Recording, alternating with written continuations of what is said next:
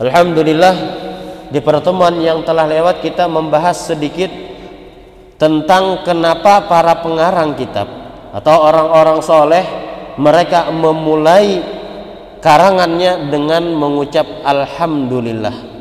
Jadi setelah Bismillah mereka memulai dengan Alhamdulillah. Oh ternyata alasannya kemarin adalah dua. Yang pertama mengikuti Al-Quran dan yang kedua mengamalkan hadis baginda Rasulullah Sallallahu Alaihi Wasallam. Kemudian ujar Sidin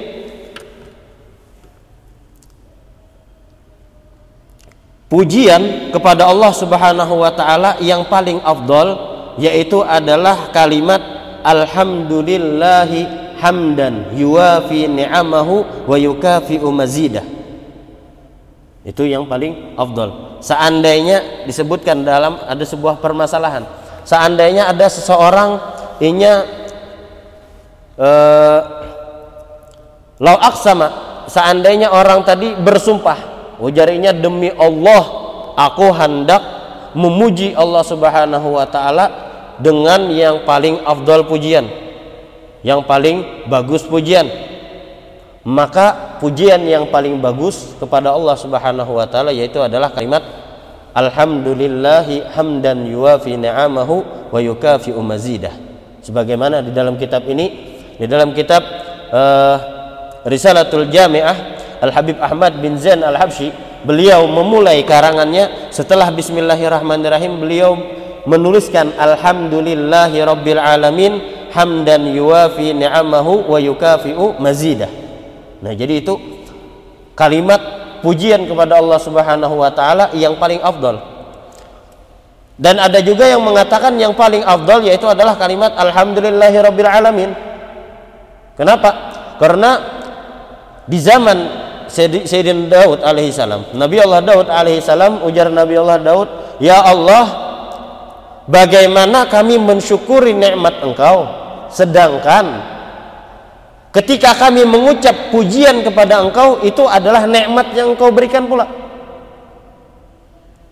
kita ini diberi nikmat oleh Allah Subhanahu wa taala. Dan diperintahkan untuk mensyukuri nikmat tadi. Bagaimana mensyukuri nikmat yang diberikan oleh Allah tadi? Jadi kan semalam cara mensyukuri nikmat bisa dengan pujian kepada Allah Subhanahu wa taala dan bisa hakikatnya melakukan hakikatnya yaitu adalah melakukan sesuatu yang mana dengan perbuatan tersebut dapat mendatangkan keridhaannya Allah. Melalui nikmat tersebut. Misal semalam diberikan nikmat sehat oleh Allah Subhanahu wa taala maka dengan kesehatannya itu inya gunakan untuk beribadah kepada Allah taala inya gunakan untuk mendekatkan diri kepada Allah taala inya gunakan untuk membantu orang lain dan yang lain sebagainya maka itu hakikatnya adalah orang yang bersyukur atas nikmat-nikmatnya Allah Subhanahu wa taala Nah jadi ujar Nabi Allah Daud alaihi salam, bagaimana kami memuji Engkau wahai Allah? Bagaimana kami mensyukuri nikmat yang telah Engkau berikan? Maka Allah Subhanahu wa taala berfirman kepada Nabi Allah Daud, katakanlah ucapkanlah alhamdulillah. Maka dengan kalimat alhamdulillah tersebut maka sama saja engkau mensyukuri nikmat yang telah diberikan oleh Allah Subhanahu wa taala. Karena itu ujar Allah Subhanahu wa taala di dalam Al-Qur'an, la in syakartum la azidannakum.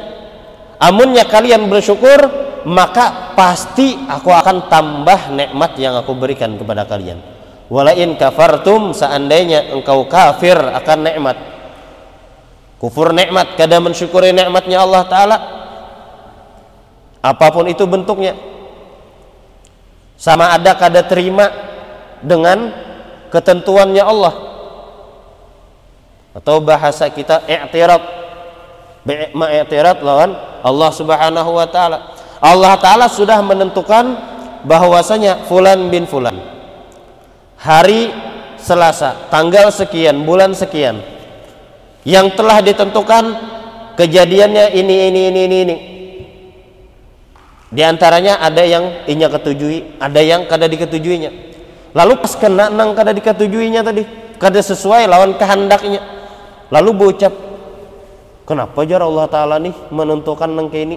kenapa Allah taala menentukan nengke ini seharusnya tuh nengke ini nah itu namanya i'tirad i'tirad mengkritik atas takdirnya Allah taala makanya Al Habib uh, salah seorang guru daripada guru-guru mulia, guru mulia Al Habib Umar Al Habib Ibrahim bin Yahya kalau tidak salah.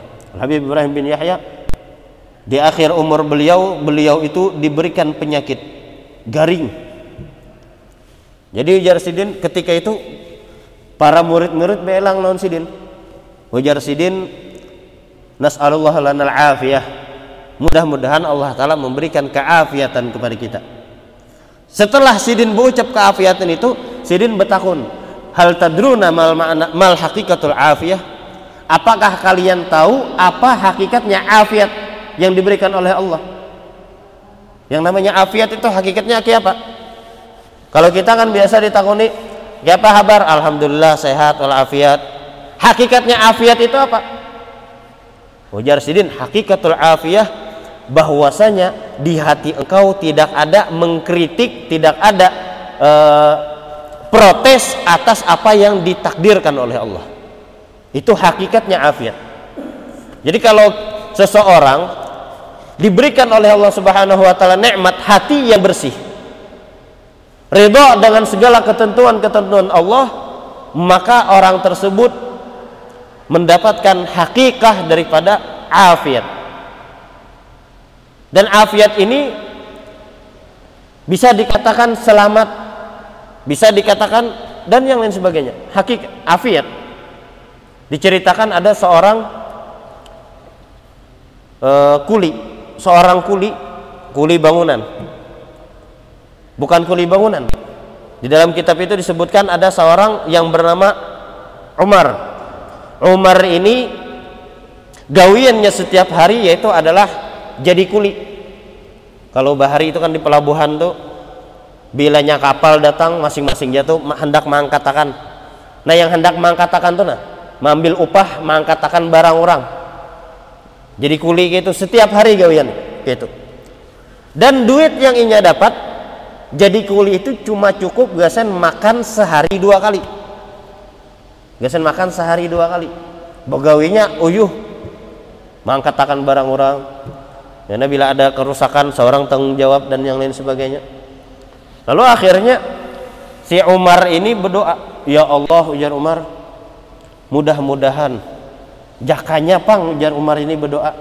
Ya Allah seandainya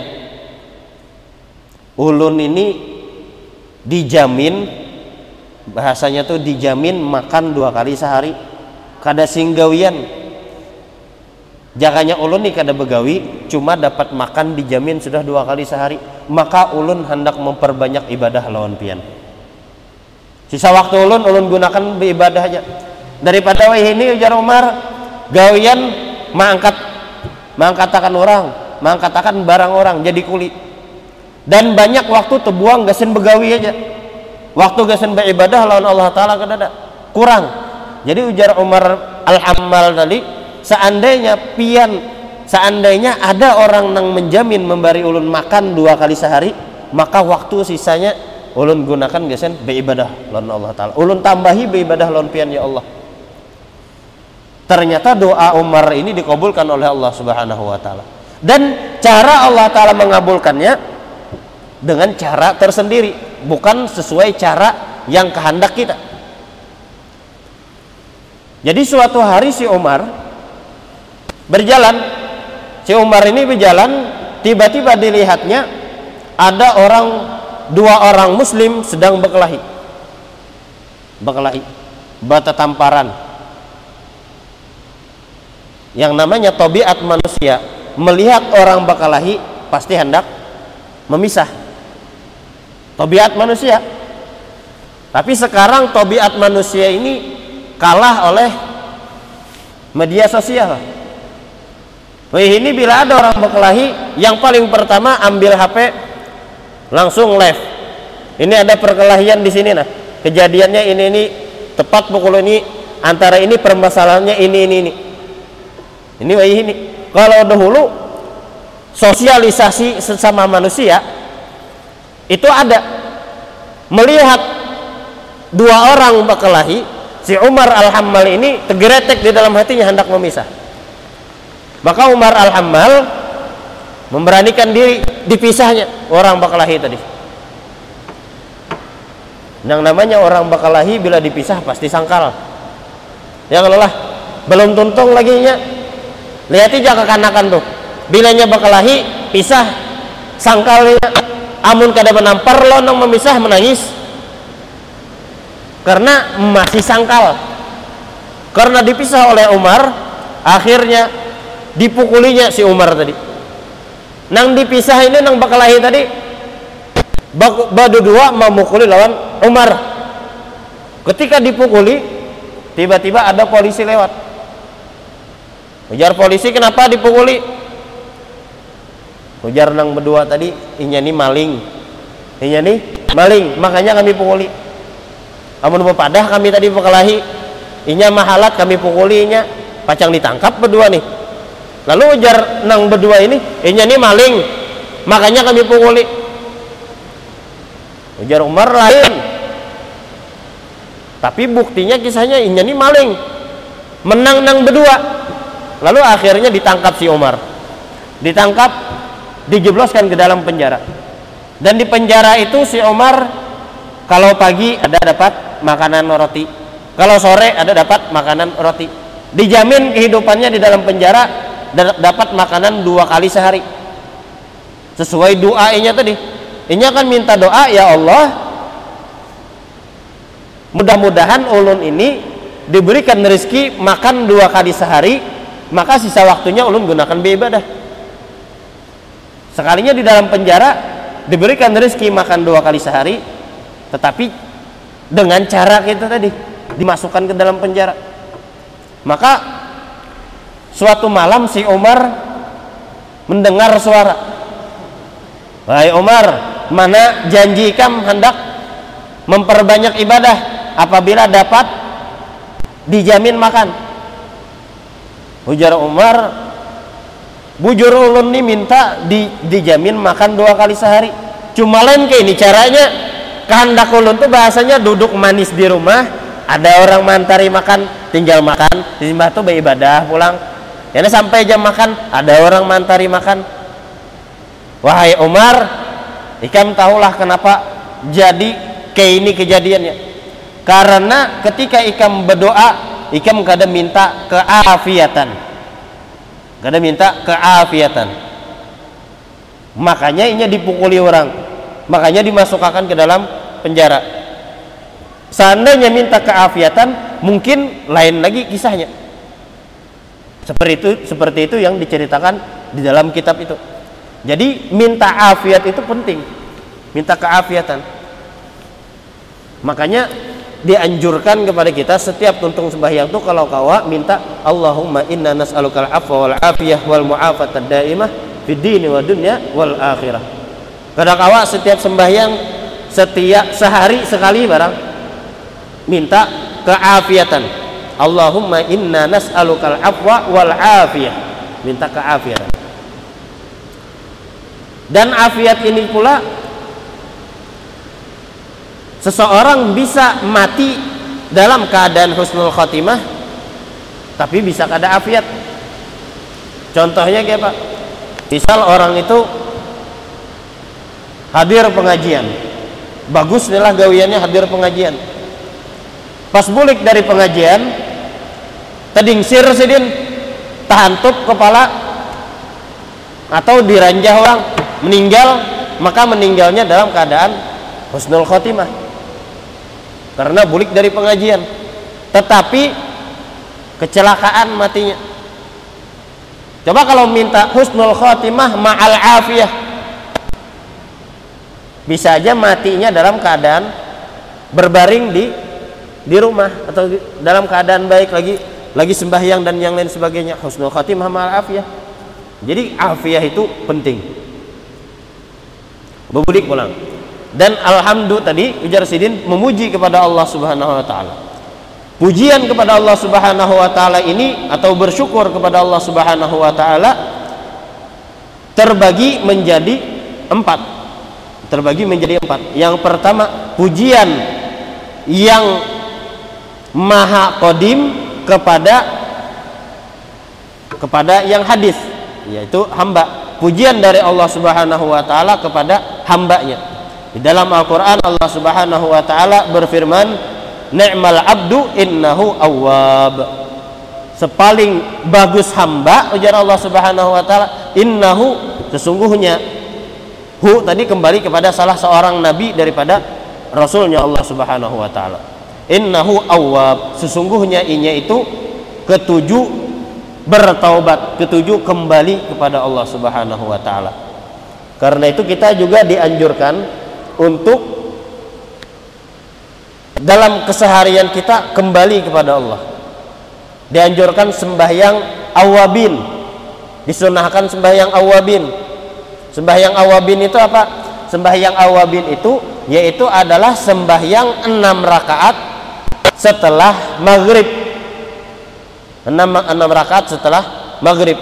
Apa pun itu bentuk sembahyangnya. Kadang mesti usolli sunnatal awabin kadang mesti. Bisa aja so, dua rakaat ba'diyah maghrib. Dua rakaatnya lagi sembahyang taubat. Dua rakaatnya lagi sembahyang hajat. Maka enam rakaat. Enam rakaat ini dinamakan salatul awabin sembahyang awabin dikatakan diriwayatkan barang siapa yang melakukan sholatul awabin atau sembahyang enam rakaat setelah maghrib dan inya kada bepender masalah dunia. Kada bepender masalah dunia. Maka ditulis baginya pahala sama dengan beribadah selama 12 tahun. Di dalam riwayat lain sama inya beribadah selama 20 tahun Nah, jadi setiap nikmat yang diberikan oleh Allah itu balasannya lebih ganal lagi. Kau menggawi sembahyang awabin tadi, nikmat itu. Dibalas lagi oleh Allah Subhanahu wa taala dicatat ditulis beribadah selama 12 tahun. Siang hari puasa malam hari tahajud qiyamul lail semalaman. Kira-kira kita ada sanggup malam semalaman kada singguringan sembahyang aja. Siang puasa seharian. Kira-kira sebulan mungkin itu bisa kulit lawan tulangnya lagi di sisa. Siang kada makan malam kada guring tetapi ini dicatat oleh Allah Subhanahu wa taala bagi orang yang sembahyang awabin tadi diberikan pahala sama dengan beribadah kepada Allah Subhanahu wa taala selama 12 tahun. Itu pujian dari Allah kepada hamba. Ada juga pujian dari Allah kepada Allah Ta'ala sendiri. Contohnya di dalam Al-Quran Allah Subhanahu Wa Ta'ala berfirman, Ni'mal maula wa ni'man nasir. Sepaling baik maula petuanan. Wa ni'man nasir dan sepaling baik zat yang menolong yaitu adalah Allah Subhanahu wa taala. Ada juga pujian dari hamba kepada Allah. Ya biasa kita mengucap alhamdulillah itu pujian kita kepada Allah Subhanahu wa taala. Dari hamba kepada Allah.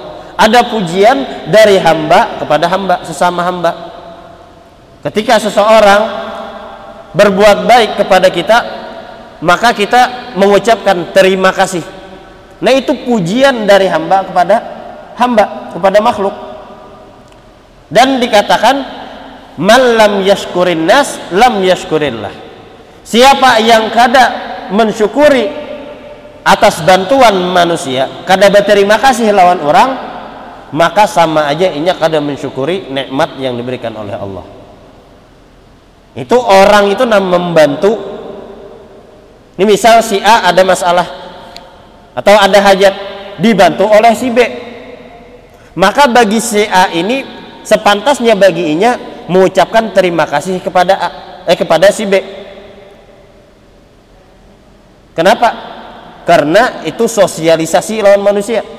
Berterima kasih dari makhluk ke makhluk. Seandainya si A kada berterima kasih lawan si B, si B ini kada masalah kadanya. Tetapi sama aja kada mensyukuri nikmat yang diberikan oleh Allah Apa nikmatnya? Allah Ta'ala menggerakkan hati si B untuk membantu si A. Itu nikmat. Jadi nikmat Allah Subhanahu wa taala itu luas dan sepantasnya bagi kita untuk mensyukuri nikmat-nikmat tersebut. Kemudian sebagaimana janji kita semalam yaitu adalah hukum membaca alhamdulillah.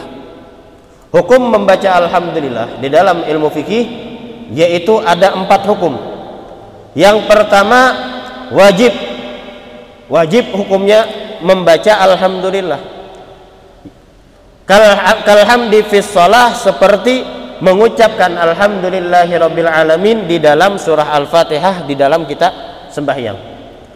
Jadi misal kadang membaca alhamdulillahi rabbil alamin di dalam sembahyangnya waktu membaca al-fatihah langsung ar-rahmanir rahim maliki yaumiddin. Maka rukun daripada rukun sembahyang yaitu adalah membaca al-fatihah kadesah apabila rukunnya kadesah kada sempurna maka sembahyangnya empat kada sempurna kada sah juga sembahyangnya. Karena itu wajib hukumnya membaca alhamdulillah di dalam sembahyang. Atau ketika khutbah Jumat. Ketika khutbah Jumat mengucap alhamdulillah hukumnya wajib sudah kita jelaskan semalam daripada rukun-rukun khutbah.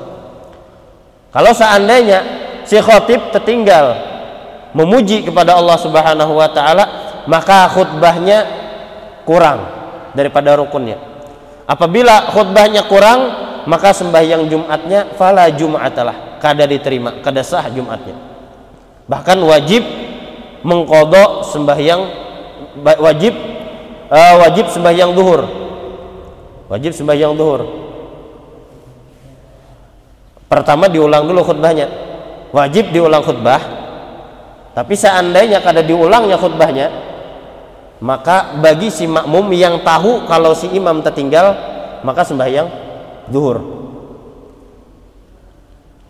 karena biasa si khotib kadang mungkin kurang perhatian atau kurang tulisannya pernah kejadian cuma ini tertinggal lain alhamdulillah rukun yang lain tertinggal setelah tertinggal rukun yang lain si Bilal Wallahu alam mungkin Bilal ini memperhatikan waktu khutbah atau kada. Selesai khutib khutbah langsung komat Allahu Akbar Allahu Akbar padahal si khutib tertinggal dua buting rukun di dalam khutbahnya. Nah, kalau tertinggal maka wajib diulangi khutbahnya tadi pertama. Wajib diulangi khutbahnya kalau tertinggal khutbah Jumat daripada rukun khutbah Jumat. Wajib diulangi khutbahnya dua kali khutbah hanyar sembahyang Jumat. Tapi seandainya semasjidan hayal siku ngejenang sadar ujarinya bilanya aku memadahi kada harapan juga diterima. Lalu inya kayaknya aja sudah jarinya aku sembahyang duhur aja sudah karena inya tahu Jumatnya kada sah di sini maka diganti dengan duhur itu hukum yang pertama wajib hukumnya mengucap alhamdulillah ketika khutbah Jumat. Yang kedua hukum membaca alhamdulillah hukumnya sunnah di dalam khutbah nikah. Sebelum akad nikah biasa ada khutbah. Nah, khutbahnya mengucap alhamdulillah itu hukumnya sunnah di dalam khutbah nikah. Tetapi kalau di dalam khutbah Jumat hukumnya wajib. Wa fi doa dan pada permulaan doa sunnah juga mengucap alhamdulillah. Wa ba'dal akli wa ba'da khatmihi dan setelah daripada doa tadi sunnah mengucap alhamdulillah. Jadi dari di awal doa dan di akhir doa dimulai dengan alhamdulillah ditutup dengan alhamdulillah. Wa ba'dal akli dan setelah makan sunnah mengucap alhamdulillah wa syurbi setelah minum sunnah mengucap alhamdulillah. Kadang mungkin kita lupa setelah makan meriga oh kada alhamdulillahnya. Habis minum gulagak gulagak gulagak minum kada ada alhamdulillah. Nah itu kada dapat pahala sunnah. Dan tertinggal daripada adabnya Rasulullah Shallallahu Alaihi Wasallam. Jadi penting di dalam hidup kita ini untuk menjalankan sunnah-sunnah Rasulullah. Karena dengan menjalankan sunnah Rasulullah melakukan adab-adabnya Rasulullah itu kita semakin mendekatkan diri kita kepada Allah. Walaupun tanpa kita sadari. Kita mendekatkan diri kita kepada Allah dan apabila kita melakukan sunnah-sunnah itu karena rasa cinta kepada Allah dan rasa cinta kepada baginda Rasulullah sallallahu alaihi wasallam maka Allah taala juga akan mencintai orang yang melakukan sunnah-sunnah tersebut. Wal karaha hukum yang ketiga adalah makruh membaca alhamdulillah inda fi'lil makruh walidat lidatihi kanat fi syib ketika melakukan sesuatu yang dimakruhkan oleh Allah Subhanahu wa taala. Contohnya apabila contohnya waktu mencabut huban sebagaimana bismillah. Waktu mencabut huban hukumnya makruh mengucap alhamdulillah. Kenapa? Karena mencabut huban itu hukumnya makruh. Atau semalam contohnya ketika makan bawang mentah. Makruh hukumnya. Makan bawang mentah. Atau kita ambil hukum yang nyaman contoh semalam adalah rokok. Rokok ada yang mengatakan makruh, ada yang mengatakan haram. Seandainya yang makruh lalunya tuntung berokok, alhamdulillah ujarnya kau berokok pulang hari ini. Nah makruh itu hukumnya. Yang keempat, hukum membaca alhamdulillah yaitu adalah haram ketika melakukan sesuatu yang diharamkan oleh Allah Subhanahu wa taala. Contohnya, ketika seseorang terjatuh di dalam maksiat, ketika seseorang diberikan musibah oleh Allah untuk melakukan maksiat. Menggawi maksiat itu musibah. Musibah itu. Bahkan dikatakan apabila kita kadang merasakan nikmatnya taat itu adalah musibah sudah. Kadang merasakan nikmat ketaatan itu musibah. Makin nyeker jatuh ke dalam maksiat. Menggawi maksiat. Nah menggawi maksiat itu haram hukumnya. Lalu ini berucap alhamdulillah ujarnya. Haram hukumnya mengucap alhamdulillah. Nah itu di antara hukum-hukum membaca alhamdulillah wa man alhamdulillah uh, alhamdu yaitu kalimat alif lam di situ adalah kalimat istighraq. Wa man alhamdulillah fil hamdi lil istighraq ay mustaghrikan jami' afrad alhamdulillah taala wa qila lil jinsi wa qila lil ahdi wa huwa wa huwa al aula kama qala kama qalahu ahlul ma'rifah haitsu qala حيث قالوا inna إن الله لما علم أن الحق أن الخلق لا يقدرون على حمده حمد نفسه ثم أمرنا أن an بذلك الحمد وقال بعضهم أن ال لجميع al المعاني معنى الحمد لله makna alhamdulillah itu yaitu adalah istighraq atau mengumpul daripada pujian-pujian. Manakala Allah Ta'ala mengetahui Allah Ta'ala mengetahui bahwasanya para makhluknya kadakawa mensyukuri nikmat Allah taala maka Allah taala memuji dirinya supaya dan memerintahkan makhluk tadi untuk memuji Allah taala dengan pujian yang dilakukan oleh Allah Subhanahu wa taala. Karena itu di dalam Al-Qur'an itu alhamdulillahirabbil alamin. Allah taala memuji zat sidin seorang supaya hamba ini kawa mengumpati memuji zatnya Allah Subhanahu wa taala. Wallahu a'lam. Mudah-mudahan kita semua diberikan taufik dan hidayah oleh Allah Subhanahu wa taala untuk melakukan perbuatan taat yang diridhai oleh Allah Subhanahu wa taala dan mudah-mudahan Allah Subhanahu wa taala memberikan rezeki yang halal lagi berkah dan melimpah kepada kita dan mudah-mudahan Allah Subhanahu wa taala memberikan kepada kita taufik dan hidayah untuk mengamalkan apa yang kita ketahui dan mudah-mudahan Allah Subhanahu wa taala memberikan pemahaman kepada kita sebagaimana pemahaman para nabi dan para rasul dan para ulama. Dan mudah-mudahan Allah Subhanahu wa taala memberikan rezeki yang halal lagi berkah dan melimpah kepada kita. Dan mudah-mudahan Allah Subhanahu wa taala mengumpulkan kita bersama orang-orang yang salihin. Kita semua dijadikan hamba-hamba yang salihin yang istiqamah yang selalu berbuat taat kepada Allah Subhanahu wa taala. Dan mudah-mudahan Allah Subhanahu wa taala mematikan kita semua dalam keadaan husnul khatimah العافية. على النية وعلى كل من به سلفنا الصالحون وإلى حضرة النبي محمد صلى الله عليه وسلم. ألفاتحة.